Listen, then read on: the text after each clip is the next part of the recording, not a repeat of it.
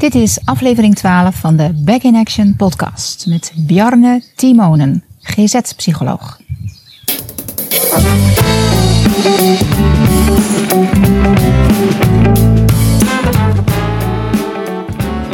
De podcast is opgenomen op woensdag 1 april. Dat was midden in het coronatijdperk. We zijn er inmiddels drie weken op weg en we hebben even getwijfeld of we het wel door moesten laten gaan. Maar goed, met Zoom kan je heel mooi nog gesprekken houden. Dus we hebben het via Zoom laten plaatsvinden. Um, in gesprek met Bjarne heb ik het over de, ja, de korte, maar ook de lange termijn effecten die deze coronacrisis met zich mee gaat brengen of al heeft meegebracht. We zitten met z'n allen massaal in ons hoofd. Uh, de angst die toeslaat, niet alleen voor het virus, maar ook voor de gevolgen van het virus. Um, je zou Bjarne al hebben kunnen tegenkomen op tv in het programma eh, Roes, wat eh, de VPRO heeft uitgezonden, een programma over alcoholverslaving. Eh, en al eerder in, bij RTL 5 het programma Koopziek, waar hij als tv-psycholoog heeft meegeholpen om de mensen daarin ook te begeleiden. Zijn wortels zitten in de verslavingszorg en mensen die met burn-out en somberheidsklachten te maken hebben. En zo is ook zijn boek De Leefstijlgids tegen Somberheid verschenen. Dat heeft hij geschreven omdat hij zelf um, ja, leefstijl als een hele belangrijke tool gebruikt in zijn behandelingen. En leefstijl is natuurlijk ook bij mensen met chronische pijn een heel belangrijk um, instrument om in te zetten. En ja, we zien ook dat juist mensen met chronische pijn ook te maken hebben met somberheidsklachten. Dus er zitten hele goede parallellen. Um, ik denk dat je er heel veel waarde aan hebt in dit interview. Ik wens je heel veel kijk- en luisterplezier. En ik zie je zo dadelijk aan het eind van het interview weer even terug.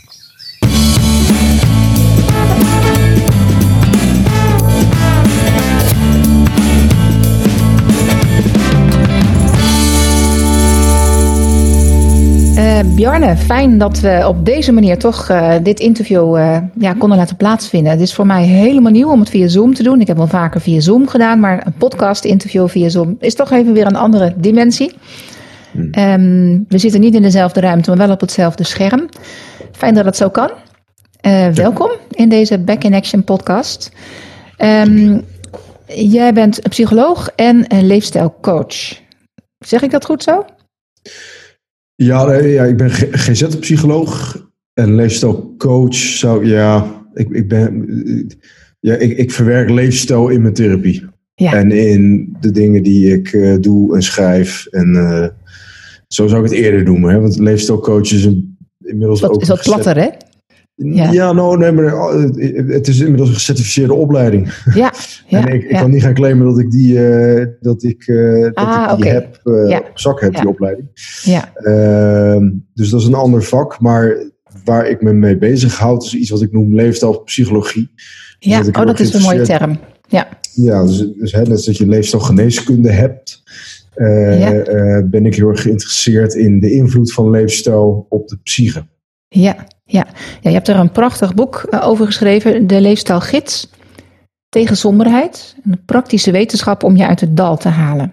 Om je uit het, om, wacht even hoor, praktische wetenschap om uit je dal te komen. Ja, ja.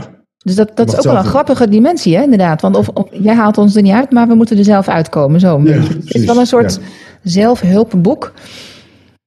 Moeten we het zo uh, zien? Ja, je, je hebt het ja, nou ja kijk, ik bedoel, dat is inmiddels een beetje een, het heeft een beetje een negatieve connotatie gekregen. Ja. Uh, inmiddels is ook het idee gaan leven dat zelfhulpboeken niet werken. Ja, dat, is ja. hè, dat is nog een populistische uitspraak geworden, maar dat klopt ja. niet. Ja, Hè, ja. bi- bibliotherapie werkt. Ja. Alleen, uh, net als met elke methode, is het van belang dat, je, dat, dat er iets wordt aangeboden dat ook bewezen is. En dat ook hè, op, op, op Ja. ervaring is gestoeld. En niet Ja. dat je zomaar iets gaat roepen. Ja, Dus er zijn natuurlijk ontzettend veel zelfhelpboeken die eh, ja, gebaseerd zijn op een soort van idee of los zand of, of, of niet eh, wetenschappelijk eh, bewezen methode. Ja, dus dan, dan raakt het, het, het hele zelfhelpgenre laat, raakt natuurlijk ook vertroebeld daardoor. ja. Ja, ja, want je hebt hier wel heel veel onderzoek naar gedaan. Want het begint de, de eindnoten bij pagina 279 en het gaat door tot nou, over de 300. Je hebt 20 pagina's met alleen maar eindnoten. Dus je hebt heel veel onderzoek gedaan, neem ik me, ja. stel ik me zo voor. Ja, nee, ik heb er heel erg over getwijfeld of ik die voetnoten of, of die, die eindnoten erin zou laten. Ja. Uiteindelijk heb ik daar wel voor gekozen. Uh, ook omdat ik eh, wilde aantonen dat ik dit niet zomaar verzin. Ja, dus dat, dat hier daadwerkelijk onderzoek naar is gedaan. Het enige ja. uh, wat ik heb gedaan is, is, is die informatie verzamelen en geprobeerd zo, uh, ja, zo, zo begrijpelijk mogelijk uh, te vertalen in, in, in, oefeningen en, en, en praktische concrete, informa concrete informatie. ja, dus, dus, de, de, ik zag dat dat nog niet bestond. Dus ik, ja, ik ja. voelde die behoefte. Ja, nou ja, wat ik bijvoorbeeld, ik geef groepslessen, zit meer in de sportsector en wij noemen dan ook wel eens van let op je houding. Maar dat is zo'n algemeen begrip, dat kan eigenlijk iemand die daar tegenover je staat en iets met die houding moet doen, die kan daar niks mee. Want wat bedoel je daarmee? Dat is heel breed. Dus werk aan je leefstijl is ook zo. zegt. je schiet overeind. ja, ik moet er zelf continu op letten. Oh ja, ja, ja. ja. ja, Jouw, jouw leefstijltips die waren ook bijna voor mij één voor één eh, heel erg toepasbaar. Zeker in deze tijd. Hmm, ja, wat, wat, bijvoorbeeld? Nou ja, eh, wat, ik merk in, in deze coronatijd is dat ik heel erg schiet in het, uh, het fight-mechanisme, het fight or flight. Nou, ik, ik ben echt als een, als een stier gaan werken om allemaal dingen op gang te brengen. En uh, ja, het moest allemaal doorgaan. Terwijl natuurlijk de hele coronacrisis ook met zich meeneemt dat we allemaal even een stapje terug doen. Maar ik was zo bezorgd over mijn bedrijf en alle lessen, de leden, de docenten, dat alles maar door moest gaan. Het mocht niet anders gaan worden. Dus ik heb echt mijn stinkende best gedaan de afgelopen twee, drie weken. Brok in mijn keel. Um, ja, en, en daarbij mezelf voorbij gehold. Dus tijd nemen voor goede nachtrust, voor aan jezelf denken en ontspannen. Wat ik voortdurend verkondig, ja, dat is, dat is natuurlijk ook. Ja, als psycholoog lees ik in je boek ook. Het is allemaal valkuilen waar we zelf ook allemaal instappen. En oh, ja, ja, daarom misschien wel zo goed begrijpen hoe het voor de luisteraar, de kijker ook werkt. Ja. ja. ja. Wat heb jij ervan gemerkt in deze afgelopen paar weken? Hele... Eh, van het effect dat het op mij had? Ja. Uh, nou, ik, ik, ik, was toevallig eh, op vakantie toen, toen het uitbrak in Nederland. Mm -hmm. uh, toen ben ik uh, eerder teruggekomen. En ja, dan kom je opeens in een soort van crisissituatie terecht. Ja. ja. Je moet veel brandjes blussen. Ook op het werk. Hè. Ik werk in een verslavingsinstelling waar we gelukkig veel ervaring hebben met, met, met online behandelen, Trubendorfer. Uh, ja. Voor verslavingszorg. Dus gelukkig konden wij die switch wel vrij of relatief gezien makkelijk maken. Maar het, is wel, het is wel een switch. Normaal gesproken ben je gewend om vrijwel alle cliënten eh, face-to-face -face te spreken. Ja. En opeens zit je van 9 tot 5 thuis. En moet je ergonomische aanpassingen maken. Wordt je, je, je thuissituatie wordt opeens je, je, je werksituatie. Ja. Dus dat is wel even omschakelen. Zeker wanneer dat. Ik bedoel, voor iedereen is het vrij uh, plotseling gekomen natuurlijk. Maar ja. ik kwam echt opeens erin terecht, omdat waar ik was, daar was nog geen corona. Dus daar, okay, ja. daar heerste die angst ook totaal niet. Uh, ja. Dus was even omschakelen. Maar ik heb voor mezelf een, een, een plan gemaakt van hoe ik dat ging doen. Ik ging dus kijken naar mijn werksituatie. Ik ging dus kijken naar hoe ik het online behandelen zo goed mogelijk mhm. kon eh, toepassen. Uh, en ik heb mezelf er ook aan herinnerd welke leefstijltips mij altijd helpen. Uh, en die probeer ik nu extra bewust ja. toe te passen. Hè? Dus ja. lichaamsbeweging probeer ik mijn voeding te letten. Want het is toch makkelijk om te vervallen in, in, in, in ongezonde gewoonte wanneer je thuis zit. Ja, ja. Ja, even voor de duidelijkheid voor de mensen die dit, uh, deze podcast later hoort. Het is nu 1 april. We hebben net gisteren gehoord dat de hele corona, uh, ja, alle maatregelen dus nog langer gaan aanhouden. Um, tot eind mei was het volgens mij. Hè? Ik ben het nog helemaal weer kwijt. Er gebeurt, dus elke keer moeten we inderdaad weer schakelen met wat de effecten en, en, de maatregelen met zich mee gaan nemen. Dat is nu tot eind april, hè? dus met maar. Eind april inderdaad was het, 28 april. Nu herinner, ja, ja. Nou ja, we maar, kunnen ervan uitgaan dat daarna ook nog maatregelen zullen gelden. Dus ja. Uh, ja. niet makkelijk. Nee, nee, precies.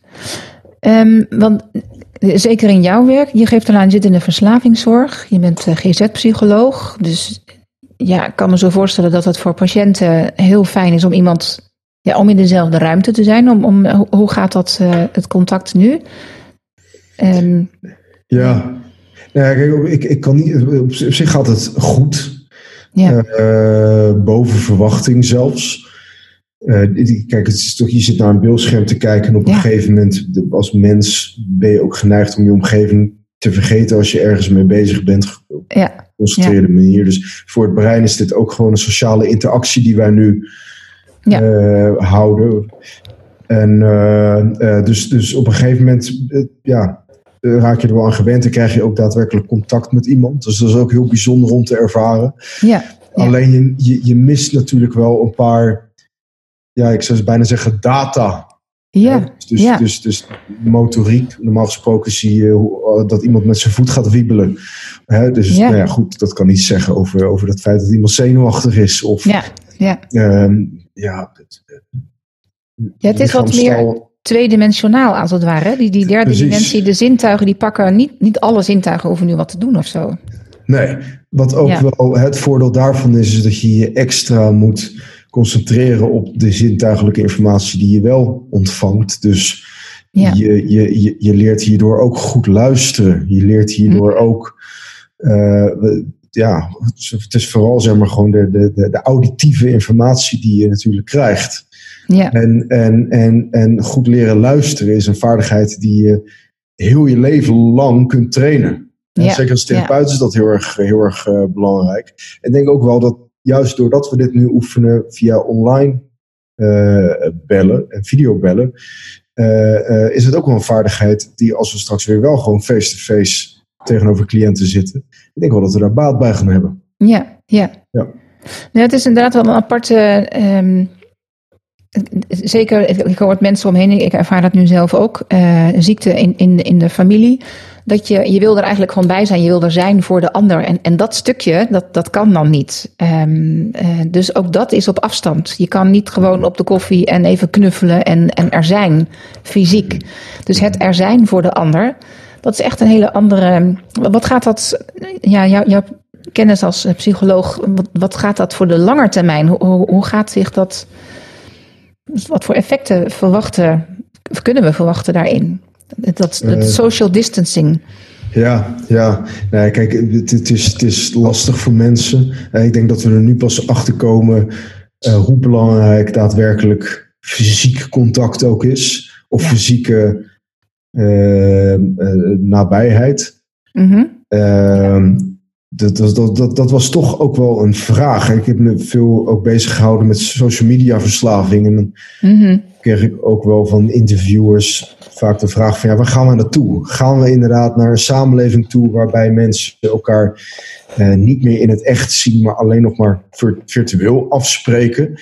Ja. Uh, en ik denk dat we nu antwoord beginnen te krijgen op die vraag. Ik denk namelijk van niet. Want wat je nu ziet, is dat mensen het helemaal niet fijn, zitten om, eh, fijn vinden om alleen maar op deze manier contact te hebben. Ja. Mensen hebben echt daadwerkelijk een intrinsieke behoefte om iemand in het echt te zien. Dus dat is dus een, een superbelangrijk antwoord op een superbelangrijke vraag. Want het geeft namelijk antwoord op de vraag: waar ligt de grens van. Uh, uh, waar liggen de grenzen van het virtuele leven en uh, de, de, invloed die digitale technologie op onze levens gaat hebben? Nou, die grens mhm. die hebben we nu bereikt. Dit is de grens. En, en die grens is dan? Nou ja, de grens is dat het dus werkt, het helpt. Ik bedoel, ik denk dat we allemaal heel erg blij zijn dat we nu kunnen videobellen. Ja, ja. Uh, maar het is ook overduidelijk dat we met z'n allen iets missen. Ja. En, en, en, en dat wordt zo verschrikkelijk evident nu, dat ik ook denk dat wanneer dit is, uh, wanneer dit over is, hè, wanneer, wanneer we weer redelijk normaal kunnen gaan leven, mm ik denk dat we ons allemaal voor de rest van ons leven dankbaar zullen voelen uh, voor het feit dat we überhaupt de mogelijkheid hebben om uh, daadwerkelijk met elkaar af te spreken. dus dat er gaat, de zorg die er was, dat, dat, dat, de, de, generaties jongeren uh, steeds meer contact heeft, enkel online. Ja. ik denk ook dat de jongeren zich heel erg nu beginnen te realiseren hoe waardevol dat contact is met hun leeftijdgenoten en met hun vriendjes, vriendinnetjes. dus wat dat er gaat, is het ook wel heel erg waardevol. Ja, ja. Nou, wij hebben in ons lesrooster inmiddels volledig online, dus 100% online gaan we met onze lessen. En we merken dat, dat ehm, wat we veel terug horen, is dat mensen dat gevoel van verbinding heel erg waarderen. Dat ze er nog steeds zijn en de vaste momentjes er zijn. En ze kunnen nog een beetje, ja, de interactie blijft voeren na de les via de chat. En um, ja, dan zijn er toch nog wat dingetjes die, die doorlopen. Naast dat we inhoudelijk natuurlijk met de les nu heel erg de mensen kunnen helpen bij het weer het voelen, weer het aankomen in je eigen lijf. Want iedereen zit in deze tijd natuurlijk enorm in het hoofd. Ja. Met zorgen en angst. En niet alleen angst voor, voor het virus, maar ook ehm, ja, voor, voor wat gaat er gebeuren met, met, met ons als, als ja. mens. Ja, en dat risico is natuurlijk groter geworden dat mensen nog meer in hun hoofd gaan leven. Hè? Dus, dus deze manier van communicatie, empathie is mogelijk via online bellen. Maar het is wel meer een cognitieve vorm van empathie. Het is meer een, een soort van cerebrale vorm van, van empathie. Ja, ja. Wat ook is aangetoond, is dat als je iemands hand vasthoudt, uh, is dat, met, dat, dat leidt ook meteen tot meer lichaamsbewustzijn. Hè? Dus dat je ook meer vanuit gevoel kunt communiceren. Dat is ook de reden dat mensen vaak in heel veel verschillende culturen in ieder geval elkaars hand vasthouden wanneer ze met elkaar praten. Mm Dat inmiddels niet meer. Ja, ja. is dat een prachtig iets natuurlijk. Ja. dus ik denk dat we uh, nu beginnen te merken wat de voordelen van onze uh, maatschappij eh, zijn. Hè, die maatschappij die heel erg gestoeld is op, op technologie. Uh, maar wat ook de nadelen ervan zijn. En, mm en, en, hoe erg we dat contact met anderen nodig hebben. Ook ja. voor onze mentale gezondheid. Ja, ja, en want elkaar dus al geen hand meer mogen geven. En die anderhalve meter afstand. Ja, dat is ja. Het, eh, ja, ja. En, en, en dus dat je haast, dat merkte ik gisteren ook even, ga je boodschappen doen en alles bij de, de supermarkt is al zo ingericht dat, ja, dat je haast terugdeinst als je iemand tegenkomt. Ja, ja. Heel apart is dat, vond ik. Dat je, ja. Nou, en daarvan is natuurlijk de vraag van hoe, zal, hoe zal het gaan in de toekomst? Ja. Ik bedoel, bedoel als, als, we, als we weer normaal mogen leven, eh, in hoeverre blijft er dan toch een soort van angst hangen om, om meer uh, uh, contact te hebben, fysiek contact te hebben met, met, anderen. Dus ja. Dat, dat, is maar de, dat is maar de vraag. Ja. ja. Um, jij bent vooral gespecialiseerd in de verslavingszorg.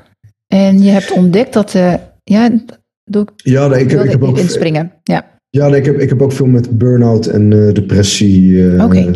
gewerkt. Ja.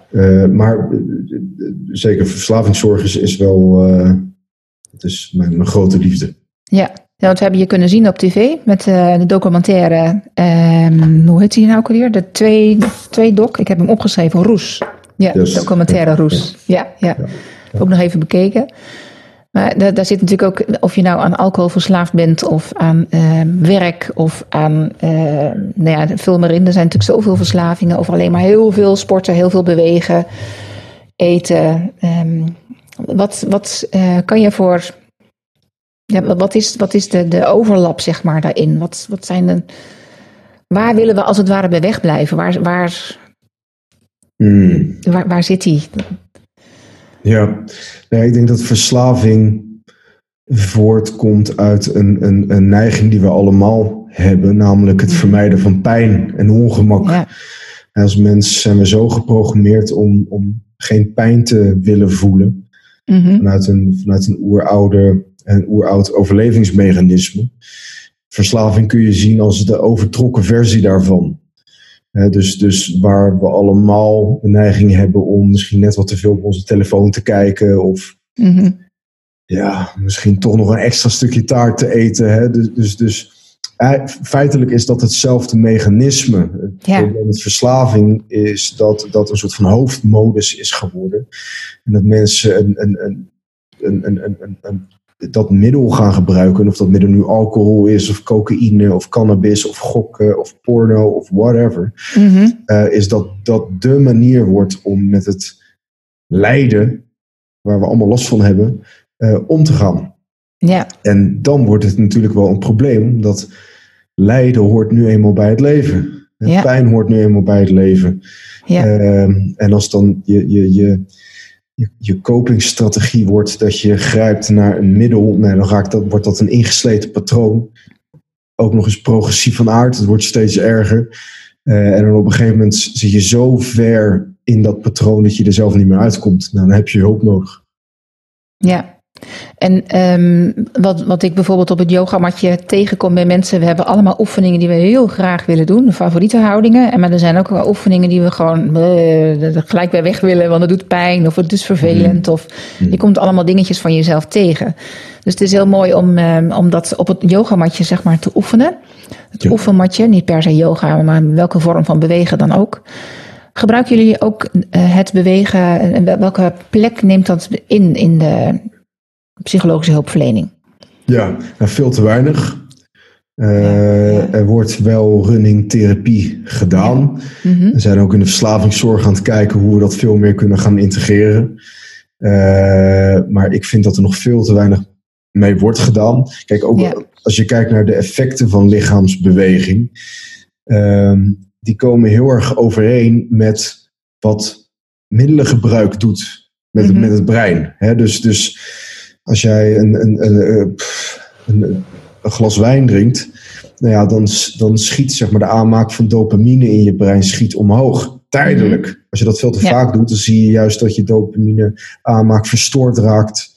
Uh, waardoor je dus ook steeds meer wijn nodig hebt om dat aan te kunnen vullen. Ja. Ja, wat, wat doet lichaamsbeweging, of wat doet überhaupt elke vorm van natuurlijke beloning, is mm -hmm. dat je dopamine aanmaakt. Uh, alleen het verschil is dat je niet die crash hebt daarna, dat die dopamine ook veel langer blijft hangen. Uh, en dat je niet de nadelen hebt. Sterker nog, het is hartstikke gezond voor je lichaamsbeweging. Dus, ja, ja. ja, ook daar zitten uh, natuurlijk weer grenzen in. mensen kunnen ook doorschieten in, in dwangmatig gaan bewegen. Zeker, dat, dat krijg je ja. vaak te horen. Ja. daar wil ik wel even bij benoemen, dat is zeldzaam. Hè? Mm -hmm. Dus zeker mensen die verslavingsgevoelig zijn. Zeker, mm -hmm. die, die, kunnen wel eens doorschieten in, in, in dat ze dan verslaafd raken aan sporten. Mm -hmm.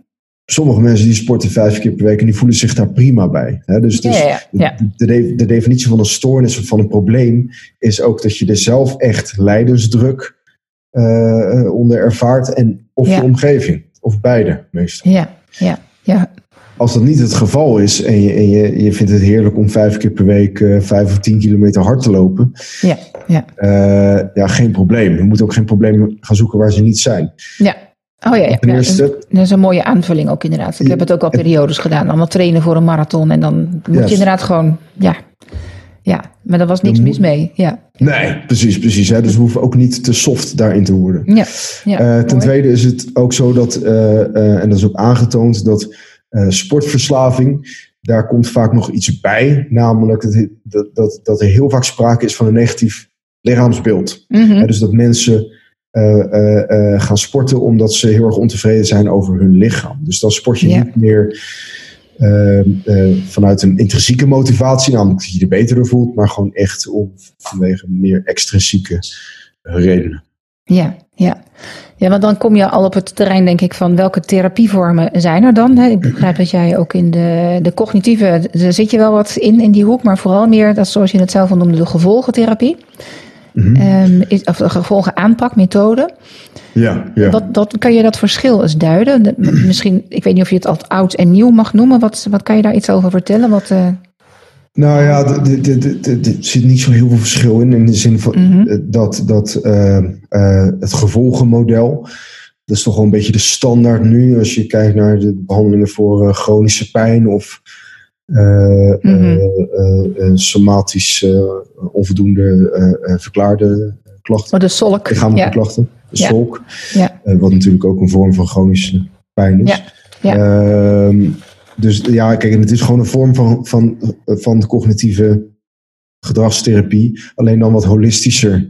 Dus ja. je, je, ja. je, je, kijkt naar de gevolgen op alle gebieden, hè, op, mm -hmm. lichamelijk, uh, emotioneel vlak, uh, sociaal vlak, omdat al die uh, gebieden hebben volgens ook weer een soort van effect op hoe je je voelt en vervolgens weer op hoe je je denkt. Dus je, je zit ja. dan gevangen in een visueuze cirkel en die kan je doorbreken door middel van die cognitieve gedragstherapie. Maar je moet wel kijken naar al die gebieden en zo goed in kaart brengen. Ja, ja. En betekent dat je dan ook in een team uh, opereert of, of werk jij vooral uh, zelfstandig? Nou, vanuit je team, de plek waar je nu werkt, zal dat vooral in, in een in teamverband zijn, stel ik me zo voor? Of wat? Ja, en nu, nu uh, bij Trubendorf werken we in een team met, mm -hmm. met psychologen, behandelaren, psychiaters. Ja. Ehm, dus dat is multidisciplinair. We kijken ook altijd multidisciplinair naar, naar, naar, ehm, naar problematiek. Dat is ook heel mm -hmm. belangrijk. Hè? Ja ja. psychiater of, of, of verpleegkundige bent of whatever. Het is altijd belangrijk om, met, om een multidisciplinaire kijk ja. zaken te hebben. En elk beroep heeft ook zijn grenzen wat dat er gaat. Mm -hmm. Ja. Uh, dus ja, en, en, en ja, goed. Ik werk dan nu op dit moment niet meer met, uh, met, uh, met chronische pijn of met zolk. Dat deed ik voorheen wel bij, bij Vitaalpunt. Ja, ja, dan kijk je ook met een multidisciplinair team ernaar.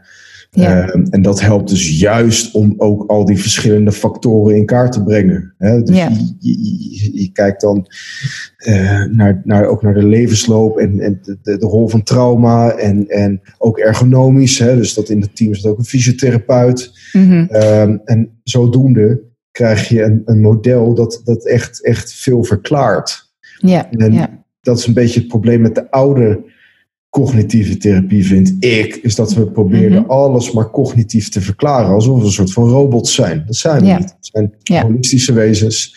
Eh, dus wij hebben effect op heel veel gebieden in ons leven. En heel veel gebieden in ons leven hebben effect op ons. En zo, Ja. zo werkt het. Dat is ontzettend gecompliceerd. Ehm, ehm, dus ja, dat is heel erg belangrijk. En ook heel erg interessant hoe je dan vanuit verschillende disciplines inzichten verwerft. En, en, en dat je uh, nou ja, re- eh, redelijk vaak verbaasd bent over, over het feit dat je daar nog niet over had nagedacht. denk je van wauw, natuurlijk. Ja, ja, is het- soms is het ook iets heel simpels. Maar meestal zijn het meerdere factoren. ja, ja. Ja, maar ik kan me inderdaad voorstellen, iemand die ehm, misschien wel een paar keer een hernia heeft gehad, dus met stevige rugklachten worstelt en daar maar uit probeert te komen en ook een soort beeld heeft en overtuigingen, dat is wat wij natuurlijk ook wel heel veel tegenkomen. Als ik dat doe, gaat er dat gebeuren. Echt een soort Ja. een tweetje in het hoofd. Dus ik ga dat niet meer doen. Of bij- met knieklachten, ik doe die oefening niet meer, want dat gaat geheid gebeuren. Juist. Ja. En voordat je daar dan weer uit bent en, en overtuiging hebt weggehaald, dat is ja, dan toch een stukje cognitieve benadering die nodig is, denk ik. Zeker, en dat is ook aangetoond. Hè, dus, dus dat overtuigingen eh, eh, voor een deel chronische pijn in stand houden. Ja, En, en dat, dat is feitelijk wat wij, wat wij als psychologen doen, is die overtuigingen uitdagen. Mhm. En dan ook middels gedragsexperimenten meer gezonde eh, gedachten of inzichten proberen te verstevigen. ja, Eh, waardoor je ziet dat uiteindelijk mensen minder gaan vermijden en die visuele cirkel beter kunnen eh, doorbreken. ja, ja, ja. Het vermijden, overdempen met, met, eh, met medicatie. Maar goed, dat is in sommige gevallen gewoon Ja. wel even nodig. Ja, ja. Nee, ja, tuurlijk. Ja, absoluut. ja. Ehm, is er een verschil tussen pijn en lijden? Nou, dat, dat, dat ligt een beetje aan de, de, de, vanuit welk oogpunt je het benadert. Als je Mhm. bijvoorbeeld kijkt naar de eh, boeddhistische, boeddhistische psychologie, zit daar wel een verschil in. Die, die, die visie is inmiddels ook geadopteerd in de westerse psychologie, bij- bijvoorbeeld acceptance en commitment therapy, Ja. waar ze ook dat, dat onderscheid maken. En op zich is dat ook wel een, een interessant onderscheid. Dus dan, Ja, ja, in acceptance en commitment therapy wordt bijvoorbeeld ge- gesproken over clean pain en dirty pain. Ja, En Ja. clean pain ervaren we allemaal. We hebben allemaal wel eens last van fysiek ongemak, fysieke pijn. Eh, Ja. We maken allemaal verlies mee. Eh, ehm, eh, Mhm. En dat is pijn die hoort bij het leven. Die, die, die, die valt niet te vermijden. Dirty Ja. pain is alles wat we daar bovenop gooien. ja. De effecten wordt- van pijn misschien. Zou je het zo kunnen noemen? De effecten van pijn, dat het, dat het lijden is? Ehm, ik denk dat lijden, meer vanuit de boeddhistische psychologie gekeken, is alles wat wij zelf nog eens bijdragen aan de pijn die er sowieso Die al al is. is. Ja, Hè, die- ja, en, en dat is de weerstand die we leveren, dat is de Ja. ontkenning. Ehm, die, die, die, die we hebben. eh, het niet willen voelen van pijn en ongemak, waardoor we dus Ja. vluchten vaak in methoden die de pijn uiteindelijk alleen maar erger maken. Bijvoorbeeld bij verslaving. Hè? Ik bedoel, als jij vlucht in drankgebruik, dan zie je dat die pijn wordt heel even wat minder. Korte Daarna zie je- termijn. Ja. Ja. korte termijn. Daarna Mhm. zie je op alle vlakken, ook fysiologisch, ook zeker psychosociaal, dat dat lijden erger wordt. En dat is dirty pain. Dus Ja. dat zou je lijden kunnen noemen. Ja. Maar de pijn waardoor men oorspronkelijk is gaan drinken, is vaak heel erg hè, oprecht. En, en het ook, ook, ook helemaal niet. Ja. Dat is, dat is vaak verlies. Ja. Dat is vaak jeugdtrauma. Dat is Ja. clean pain. Alleen de omgang hè, met bijvoorbeeld alcohol of welke vlucht dan ook, die Mhm. werkt niet. Dus, de, de, de- dus wat je moet leren als je met die pijn worstelt, is om daar op een gezonde manier mee om te gaan.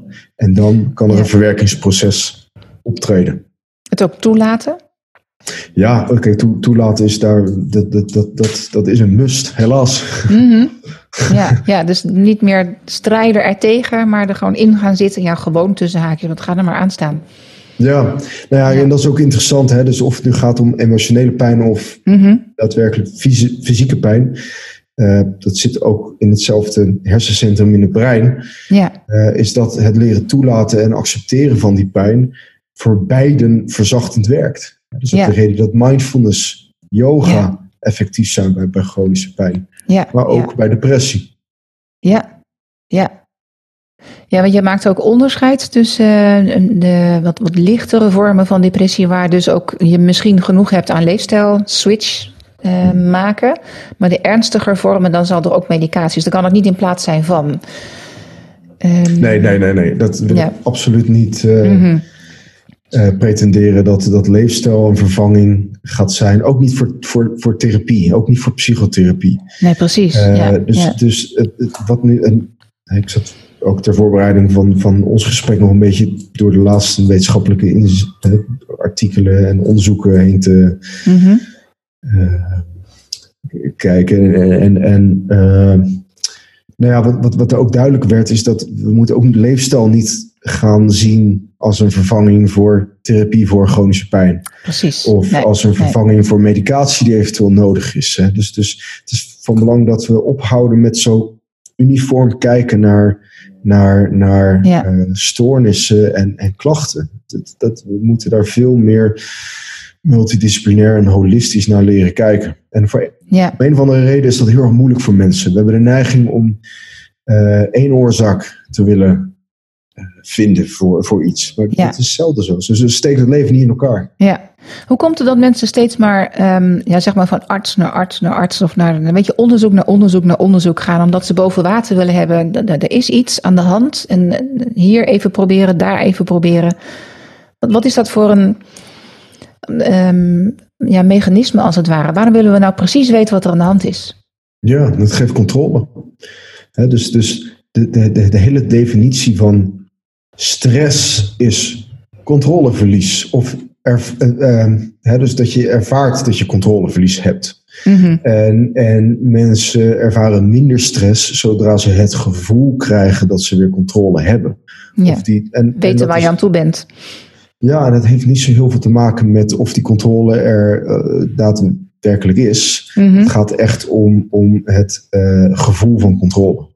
En als jij van een, een, een arts te horen krijgt, nou ja, het ligt aan, aan dit bijvoorbeeld. Hè. Misschien je hebt sommige artsen die hebben ook nog heel erg die puur medische kijk, Ja, eh, wat inmiddels achterhaald is.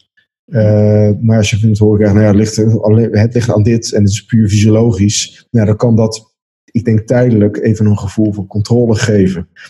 Tegelijkertijd, daarom zijn natuurlijk ook zoveel mensen actief die, die gevaarlijk bezig zijn en die, nou ja, ik noem ze kwakzalvers, Mhm. allemaal dingen lopen te verkondigen die gewoon echt niet kloppen, maar ze geven wel een gevoel van veiligheid aan, aan mensen. Dat is eigenlijk wat ze ver- verkopen. Kijk, en als dat iets is dat niet zozeer schadelijk is, dan denk ik van, nou ja, goed, dan is dat een placebo-effect. hè. Kan je daar een voorbeeld van geven? Want ik Nou ja, probeer je daar te volgen, het lukt niet helemaal. Kijk naar hoe, hoe met Sylvia Millekam, wat toen is gebeurd. Ja, dat is natuurlijk ontzettend kwalijk.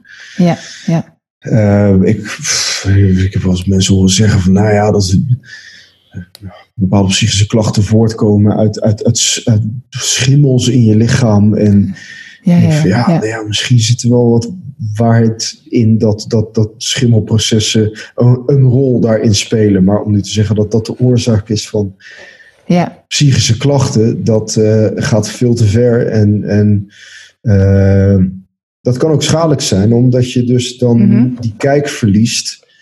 Uh, dat er heel veel verschillende factoren een rol spelen waarschijnlijk. En, en ehm, ja, dat is kwalijk. Maar ja, aan de andere kant is het natuurlijk ook zo dat de zorg daarin tekort is geschoten. Hè? Dus, dus... Maar misschien ook een beetje diezelfde fout, ja, wat is fout, maar in ieder geval dezelfde opstelling heeft van dit is de visie en dit moet je volgen. En dan mag je bijna als, als patiënt, als deelnemer, als persoon niet iets eigens tegenover zetten.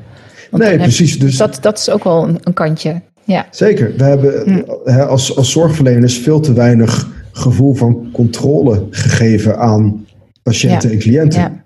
Dus dan is het logisch als dat zo'n fundamentele behoefte is van mensen, dat ze hun hel elders gaan zoeken. Dus we moeten ook kritisch naar onszelf kijken wat dat dan gaat. Ja, en bovendien is ook zo, de, hele basishouding in, in, psychologie, maar ook in de wetenschap, dient te zijn dat je nieuwsgierig blijft, dat je een open houding hanteert. Mhm. Mhm. Ik, ik ben nog dat ik in 2009 begon als met werk als psycholoog en ik deed al lang aan meditatie, boeddhistische meditatie. En raakte uiteindelijk ook geïnteresseerd in de hele mindfulness-beweging en het onderzoek mm daarnaar. In de Verenigde Staten was dat, uh, was dat al redelijk groot. In Nederland was dat nog vrij nieuw. Met John Kabat-Zinn. Uh, ja, precies. Mhm, mhm. En toen wilde ik uh, meditatie, een meditatiecursus gaan introduceren in de verslavingszorg. Nou, ik ben letterlijk uitgelachen toen. Ja. Ja, ja. Echt uitgelachen, belachelijk. Ja. ja. Mensen vonden het belachelijk, laat ik het zo zeggen. Ja. Dus Omdat het als instrument eh, al helemaal niet, uh, nou ja, zeg maar, op een weegschaal gelegd werd, überhaupt al? Of gewoon, um, het is zo anders? Of wat, wat was... Het is zo anders. Het is zo anders. Ja, ja. Kijk, en dat is niet wat je leert in, in, in een, een, een, wetenschappelijke studie. Wat je leert is dat je altijd nieuwsgierig moet blijven. Uh, ja. Maar tegelijkertijd, van als dit werkt, dan moet je het ook aan kunnen tonen. En dat is essentieel ja, natuurlijk. Evidence-based, ja. Precies. Ja, wat wel ontzettend belangrijk is. Mm -hmm. maar goed, het mogen duidelijk zijn dat mindfulness inmiddels goed is aangetoond. Ja. Uh, ik ben toen een paar jaar naar het buitenland gegaan, heb ik daar gewerkt met mindfulness. En in Zweden werd het gelukkig wel serieus genomen. Toen kwam ik terug op een en toen was het booming hier. Ja. Ja. En toen wilde opeens iedereen mindfulness toepassen. En ook vaak dus niet, niet helemaal zoals het hoort. maar toen was, werd het opeens wel eh, eh, serieus genomen. Ja, ja. Eh, ik zit hier in Harderwijk-Ermelo in de hoek. Daar zit natuurlijk ook Veldwijk als een grote psychiatrische instelling met ook een, een tak verslavingszorg. Ik weet dat ze daar ook heel succesvol toepassen, de mindfulness methode. Ja, ja, ja. ja, Dus, dus ik ben absoluut niet tegen alternatieve methoden. Mhm. Helemaal niet. Ik vind ook dat je, dat je daar altijd een open houding naar moet hanteren. Het enige is, als het werkt, moet je het ook aan kunnen tonen. En dat is een hele goede basisregel, vind ik. Ja, dan wordt het misschien ook alweer zoeken naar welke eikpunten of dingetjes heb je dan om, om te kunnen aantonen. Welke getallen, welke, ja, waar, wat wil je dan dat er aangetoond wordt?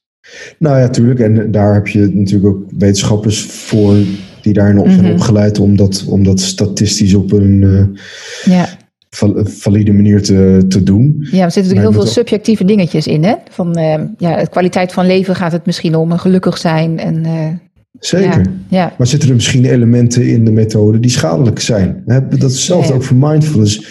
Het is goed dat het is onderzocht, omdat men er ook is achtergekomen dat het voor bepaalde mensen ook schadelijk kan zijn. Ja. Was het niet onderzocht, hadden misschien iedereen, als iedereen naar mindfulness groepen gegaan. Terwijl sommige mensen kunnen psychotische klachten ervaren door, door mhm. meditatie. Ja, die uh, meditatie is natuurlijk helemaal een uitschieter in, hè? Die, uh, ja. die, die, en lange stilte sessies. Ja, ja. ja. ja. Um, wat is de rol van humor? Even heel wat anders. Ja, nee.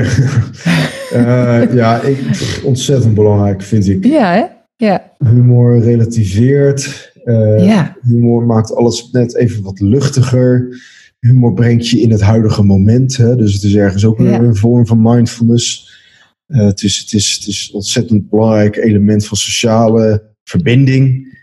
Ehm, ik vind het ook belangrijk dat we grappen blijven maken tijdens deze crisis. Hè, zoals, als, als gisteren was natuurlijk die minister die, die, die, die, die, die, die benoemde over dat hamsteren. En toen keek hij zo even achterover hoe de, de dove tolk het, het gebaar van hamsteren maakte. Oh, ja, ja, ja, ja, dat is fantastisch. En ik vind het ook geweldig dat wij in een land leven waarin we gelukkig niet zo politiek correct zijn geworden dat dat niet meer mag. Ja, ja. Ja, dus dus dat, dat, dat in de Nederlandse cultuur mag humor bestaan.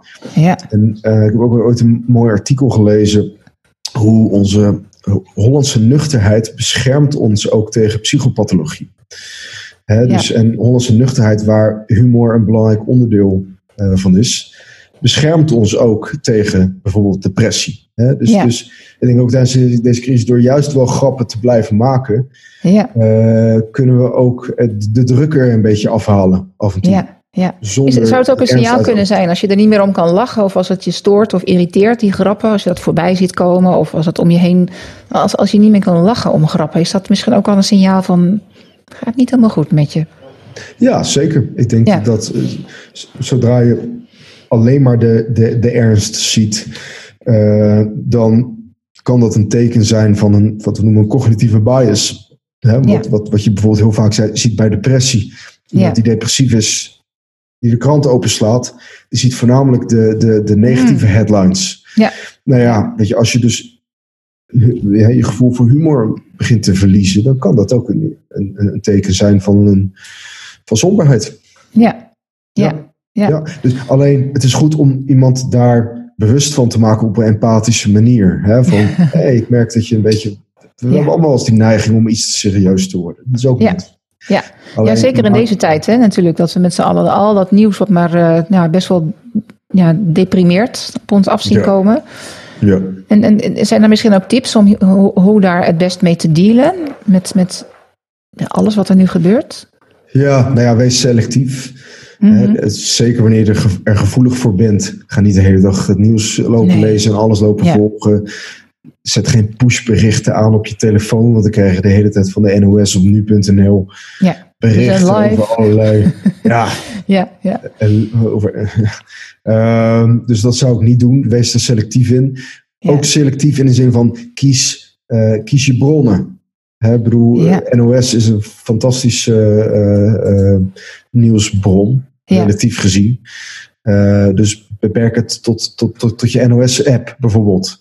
Ja, ja. Naar, naar, andere nieuwsbronnen, die kunnen toch ook wel sneller gekleurd raken. En, en ook wel bepaalde emoties voeden waar je even niet op zit te ja, wachten. Ja, ja, ja.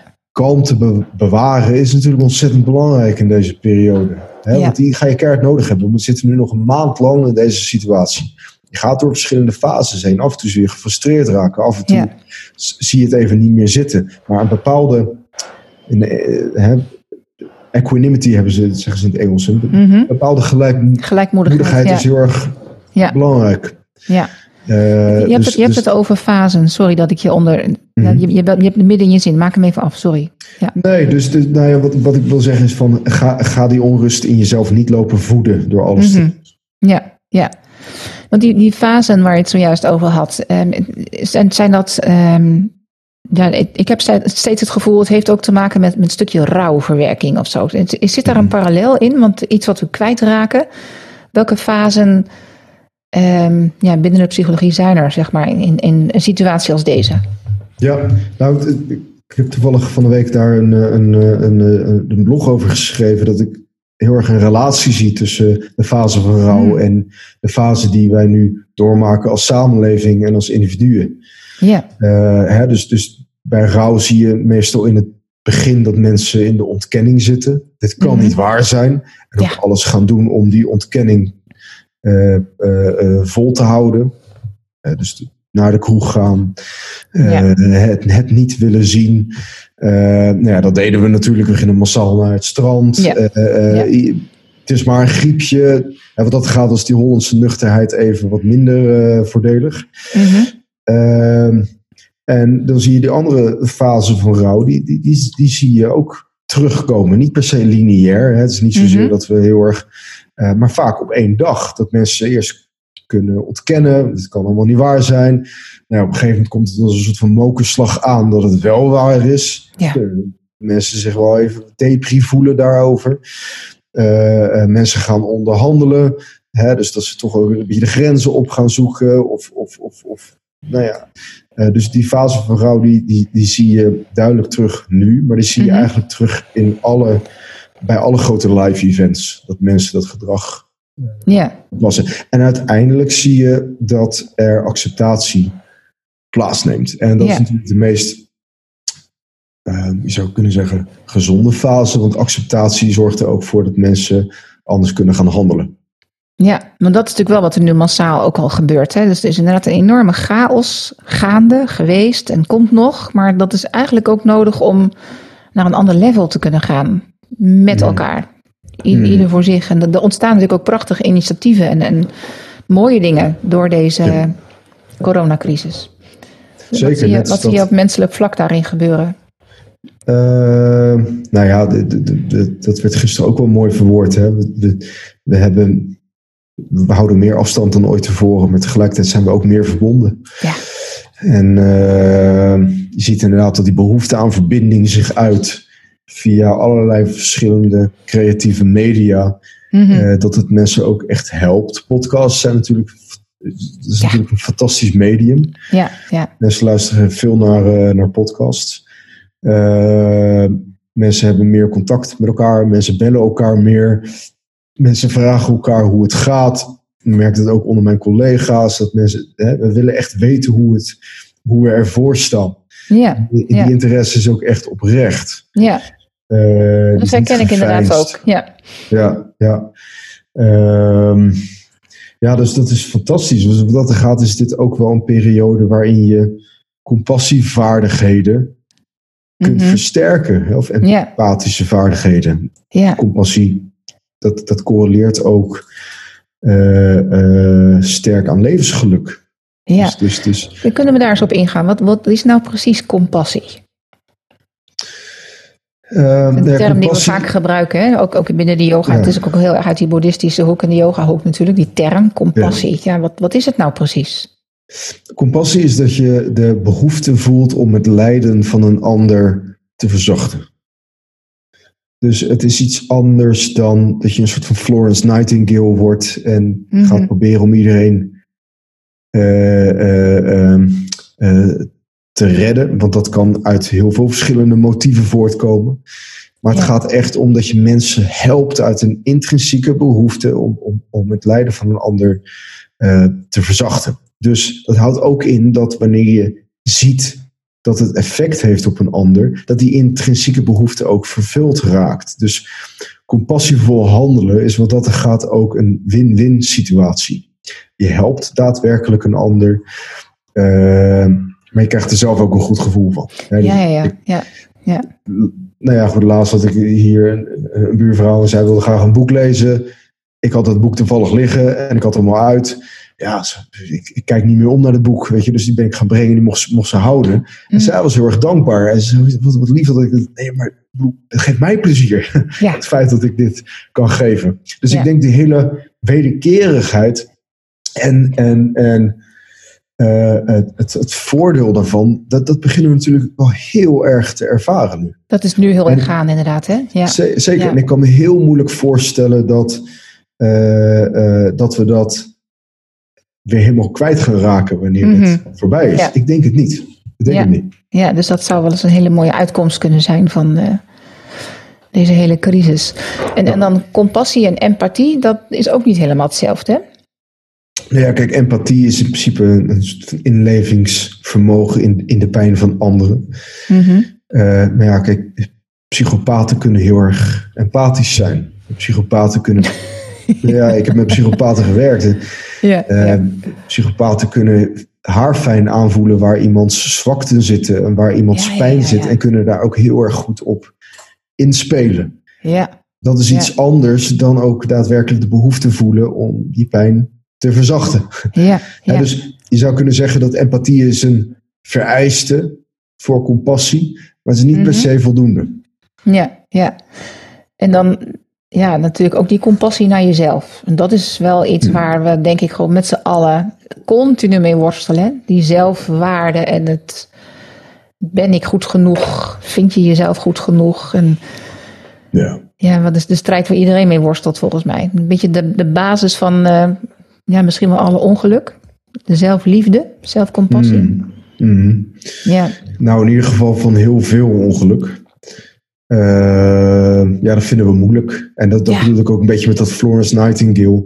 Andere mensen helpen kan ook een vorm zijn van vermijding. Hè? Dus dat je vooral maar niet Ja. met jezelf bezig wilt zijn. ja, En dan maar anderen gaat helpen. Gevraagd en ongevraagd. ja, Eh, dat is niet wat compassie is.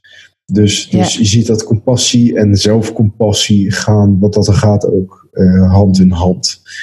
En het is de hele bekende metafoor van hè, wanneer je in een vliegtuig zit en er is Ja. een noodsituatie, eerst je eigen mondkapje opzetten. ja, ja, mondkapje van een ander. ja, Uh, maar het is vrij lastig. Het kan, eh, kan ook wel een heel abstract begrip worden. Van ja, hou van jezelf. Hè? Van jezelf houden. Het kan ook verward worden met narcisme. Dat is het Mhm. ook niet. Ja, Een hele interessante discussie. Van ja, wat, Ja. wat houdt het nou eigenlijk in, zelfliefde? Het kan ook Ja. een snel een zweverige term worden. Terwijl ik denk, het is ook een hele, heel praktisch begrip. Het houdt ook in, kijk even naar mijn keuken nu, die is niet vrij rommelig. Maar het houdt ook in dat je je keuken een beetje schoonhoudt. Eh, ja, nou, het houdt in dus dat je nu tijdens deze coronacrisis blijft bewegen. Dat je op je voeding let. Het houdt ook in dat je, je af, hè, dat je daar ook weer niet te streng in wordt. Ik bedoel, als het vrijdagavond is, is het geen ramp als je even lekker een zakje chips opent. ja. En je daar dan ook dat- niet schuldig over voelen. Nee, want Ja, ja het is ook aangetoond. Dus dat als je jezelf af en toe ook een beetje toelaat om, om de teugels een beetje te laten vieren, mits het natuurlijk niet een, verslaving betreft. Ja, ja. eh, dan, dat kan heel compassievol zijn. Sterker nog, het kan ertoe leiden dat je de overige dagen makkelijker je gezonde gewoonte volhoudt. Ja, ja, ja. In mijn Back in Action programma, daar, dat is een 12-stappen programma. Daar zitten eigenlijk al deze elementen in. En ik probeer dat dus zowel theoretisch als praktisch met de mensen ja, te doorwandelen. Ehm, wat, wat denk jij dat als, als, ik, ehm, als mensen met chronische pijn te maken hebben, wat zouden dan zeg maar nou, de top drie belangrijkste stappen zijn? Ik weet niet of je dat überhaupt kan, kan bedenken hoor, maar wat, wat chronische Ja, en puur- pijn, hm, Puur qua leefstijl of überhaupt? Überhaupt, gewoon los. Überhaupt. Ja, Zo uit, ja. uit eh, ja, misschien overval je er misschien mee hoor, maar je hebt er zelf ook mee gewerkt. Maar wat Ja. zijn belangrijke dingen, belangrijke zaken? Waar, wat helpt mensen met chronische pijn er doorheen? Ehm, als ik drie dingen zou moeten noemen, Mhm. dan is het inderdaad nou, dat, je, dat je hulp zoekt. Dus ik zou zeker bij chronische pijn hulp zoeken en ook een, een traject aangaan. Eh, ook echt wel psychologische hulp als, het echt, als je echt de lijdensdruk ervaart onder je chronische pijn.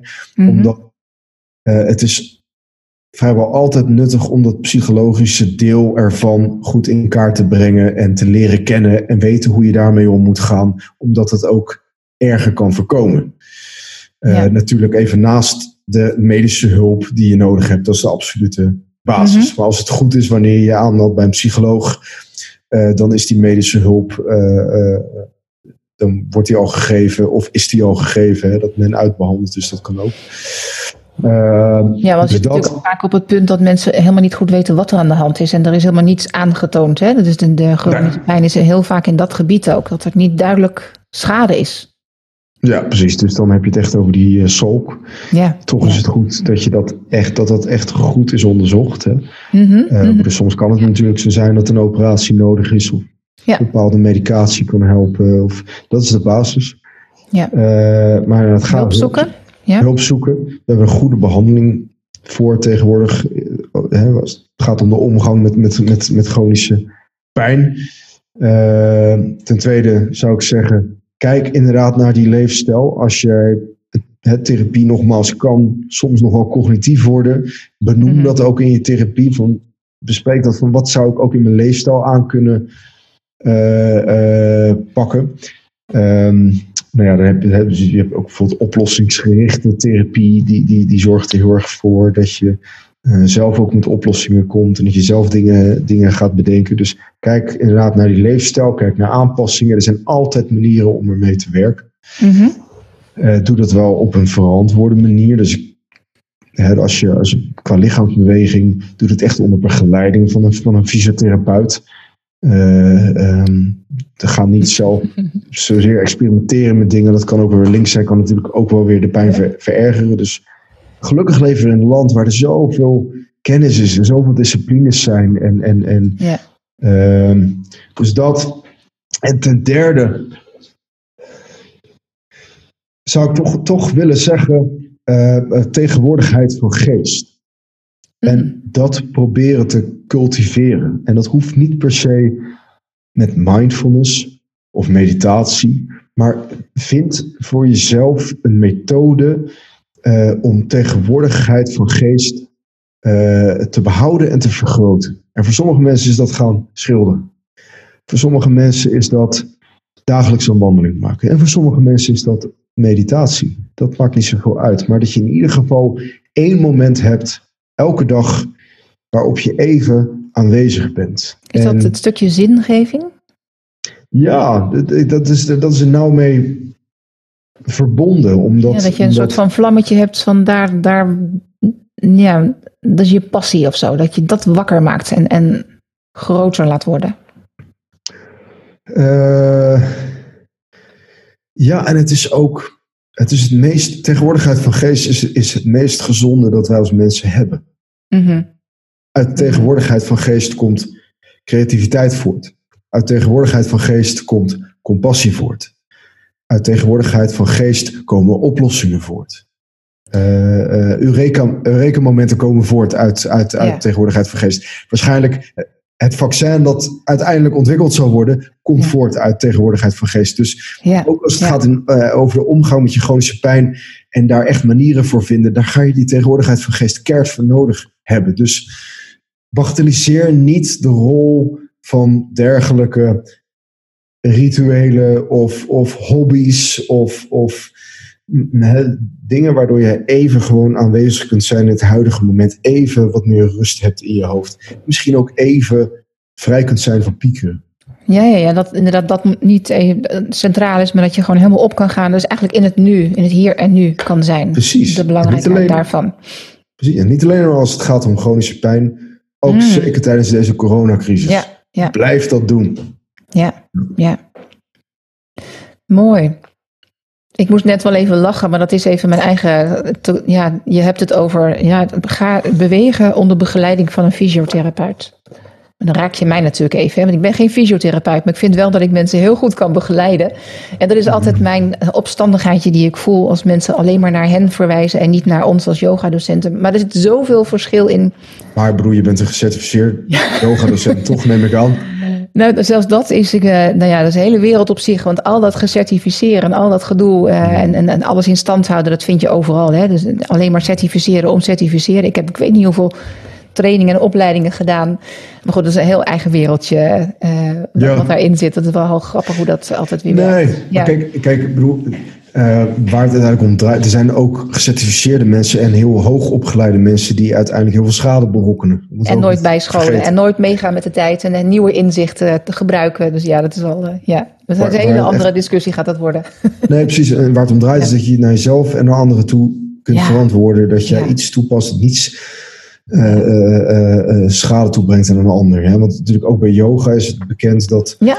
er, kunnen, er kunnen echt blessures uit voortkomen. Er zijn typische yoga-blessures bestaan er. Ja, ja die ja, voorkomen. Klopt hoor. En, ja. en daar moet je goed in opgeleid zijn. Ja, absoluut. absoluut. Ik heb nog één vraag aan je. Um, ik stel deze aan iedereen die, die ik interview. Wat is voor jou recent of misschien een langer um, al geleden een, een knop die je hebt omgezet die voor jou grote effecten heeft gehad? Welke schakel heb je zelf recent gemaakt die, die, die impact had op hoe je in het leven staat of wat er gebeurt? Ja, uh, ik denk dat dat te maken heeft met dat uh, derde punt dat ik uh, zojuist uh, noemde. Mm. Dat, precies, dat ik voor mezelf besluit heb genomen om die aanwezigheid de basis te laten zijn van mijn leven. In wat, hmm. in alles, uh, alles wat ik doe. Ja. Uh, en dat is natuurlijk een hele opgave. Ja. Uh, maar echt voor mezelf na te gaan van, hey, weet je, ik merk dat ik zojuist best wel op de automatische piloot leefde. Wat, wat, wat gebeurde daar nu eigenlijk? En dan niet ja. kwaad worden op mezelf, maar echt proberen van hoe kan ik ervoor zorgen dat ik de volgende keer meer aanwezig ben tijdens die situatie, tijdens uh, uh, uh, dat handelen. En, en, wat ik merk daardoor is dat dat als een soort van olievlek zich begint uit te breiden en dat ik daardoor ook veel meer begin te zien en veel meer begin op te mm. merken, zeg maar. Maar dat is verschrikkelijk moeilijk. ja, ga, maar ben je snel weer uit, denk ik ook, hè? Heel snel, heel snel. Ja, dus, dus wat ik vroeger altijd wel deed, is gewoon even 20, 25 minuutjes op een kussen zitten en mediteren. En, ja. Maar daar, zeker heb je daar iets aan. Alleen wat zo belangrijk is, is dat je dat gaat integreren in je leven. En dat is nogal een opgave. Dat wanneer je uh, ruzie hebt met, met een collega of met je partner of met mhm. wie dan ook. En op dat moment jezelf eraan herinneren van, hé, hey, wacht eens even. Even, even de remmen op. Wat gebeurt er nu eigenlijk? Ja, ja. Ja, dat is. Dat is, dat is ja. Uh, Mooi, ja. ja. Maar dat heb je op een gegeven moment natuurlijk echt voorgenomen. Ja. Dat was echt een punt dat je zei: dat ga ik anders doen. Ja, omdat je ergens ook wel de aanname onbewust kunt hebben van. Op deze gebieden prima, daar, daar, daar leef ik aandachtig, maar die gebieden van nee, nee, dat, dat, dat, dat discrimineert niet. Je kunt alles met anders doen. Ja, ja, mooi. Hm. Dankjewel. Ja, We gaan afronden. Um, waar kunnen de mensen jou vinden, volgen? Uh, ik heb een website, bjarnetimonen.nl. Uh, en verder uh, ben ik actief op LinkedIn onder mijn eigen naam. En mm -hmm. ook behoorlijk actief op Instagram, waar ik ook video's post met tips, wetenschappelijke informatie, uh, discussiepunten, dat soort dingen. Uh, en daar kan je mij vinden onder de naam Psycholoog Bjarne. Oké. Ik zal die dingen in de tekst nog even meenemen. Dus als, je, als ik er niet uitkom, ga ik je nog even vragen. Stuur me de linkjes. Maar volgens mij heb ik ze al wel gevonden. Ben ik ze tegengekomen. En we hebben een weggever voor deze aflevering. Ja. Jij wilde een boek. Ja. Voor de, de luisteraar, moeten we, gaan we het gewoon verloten onder de mensen die reageren? Of moeten ze er nog iets voor doen? Kunnen we nog iets verzinnen? Ik, ik, maak, een, uh, ik maak een. Even kijken. Hoe gaan, hoe gaan, we, dit, uh, gaan we dit doen? Ja. Uh, laten, we even, laten we die compassie. of de, die discussie rondom compassie even actief houden. Dus ik, ga, ik maak een post op mijn Instagram, psycholoog Bjarne. Ja. Daarin kun je onderin in de comments, niet zozeer voor jezelf, maar voor een ander. Dus je kunt een ander daarin taggen. En vervolgens vind ik, weet ik veel, door een muntje op te werpen of iets dergelijks, vind ik een manier om random een uh, winnaar te kiezen. En die krijgt dat boek voor die kennis. Vriend van familielid. Uh, dus nog een genees, zozeer voor jezelf maar voor een ander. En wil je dan ook dat ze vertellen waarom ze vinden dat die persoon, wat, wat is precies dan, wat gaan we zo vragen? Uh, dat komt in die post van jou nog wel. Ja, dat hoeft nog. Nee, ik, ik neem aan dat de reden waarom ze iemand uh, uh, taggen, dat, dat die. Een stukje uh, privacy misschien ook weer. ja, dat die, ja. dat die gewoon goed is. Ja, ja, ja. Mooi. Oké. Okay. Top. Ja. Heel erg bedankt voor, uh, voor dit interview. Uh, volgens mij ging het hartstikke lekker. Ook al was het niet in dezelfde ruimte zitten. Maar ik heb het niet eens nee. als, een, als uh, hinderlijk ervaren. Ging, nee. ging prima zo. Ja. Heel erg bedankt. En, ja, bedankt. Ja, tot een volgende keer. Ik blijf je volgen. Mooi. Okay, dankjewel. Dankjewel. Iets gelijks.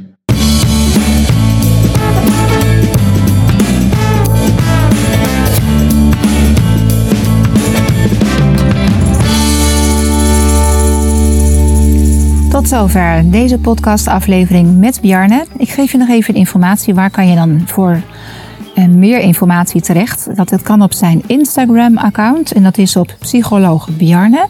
En ook daar, dat moet je even in de gaten houden. Ga hem volgen, ga hem liken. Zal het boek verloot worden. Dus psycholoog Bjarne. Verder kan je op zijn website terecht en dat is bjarnetimonen.nl. En op LinkedIn zou je hem kunnen volgen met de naam Bjarne Timonen. Dus eigenlijk voortdurend onder zijn eigen naam. En ik wil je nog even wijzen op de Back in Action gids die je kan downloaden, waarin ik mijn visie um, uiteenzet. En je vertel over de 12 stappen methode die ik ontwikkeld heb. En die heel erg um, ja, voor de mensen helpt om niet langer meer de pijn centraal te stellen, maar te dealen met de gevolgen van chronische pijn. En ik zie je heel graag in die uh, Back in Action gids weer terug. En wie weet kunnen we langs die weg nog verder contact hebben samen. Voor nu, bedankt voor het luisteren, bedankt voor het kijken. En ik wens je heel veel gezondheid toe en let een beetje op jezelf. Dag!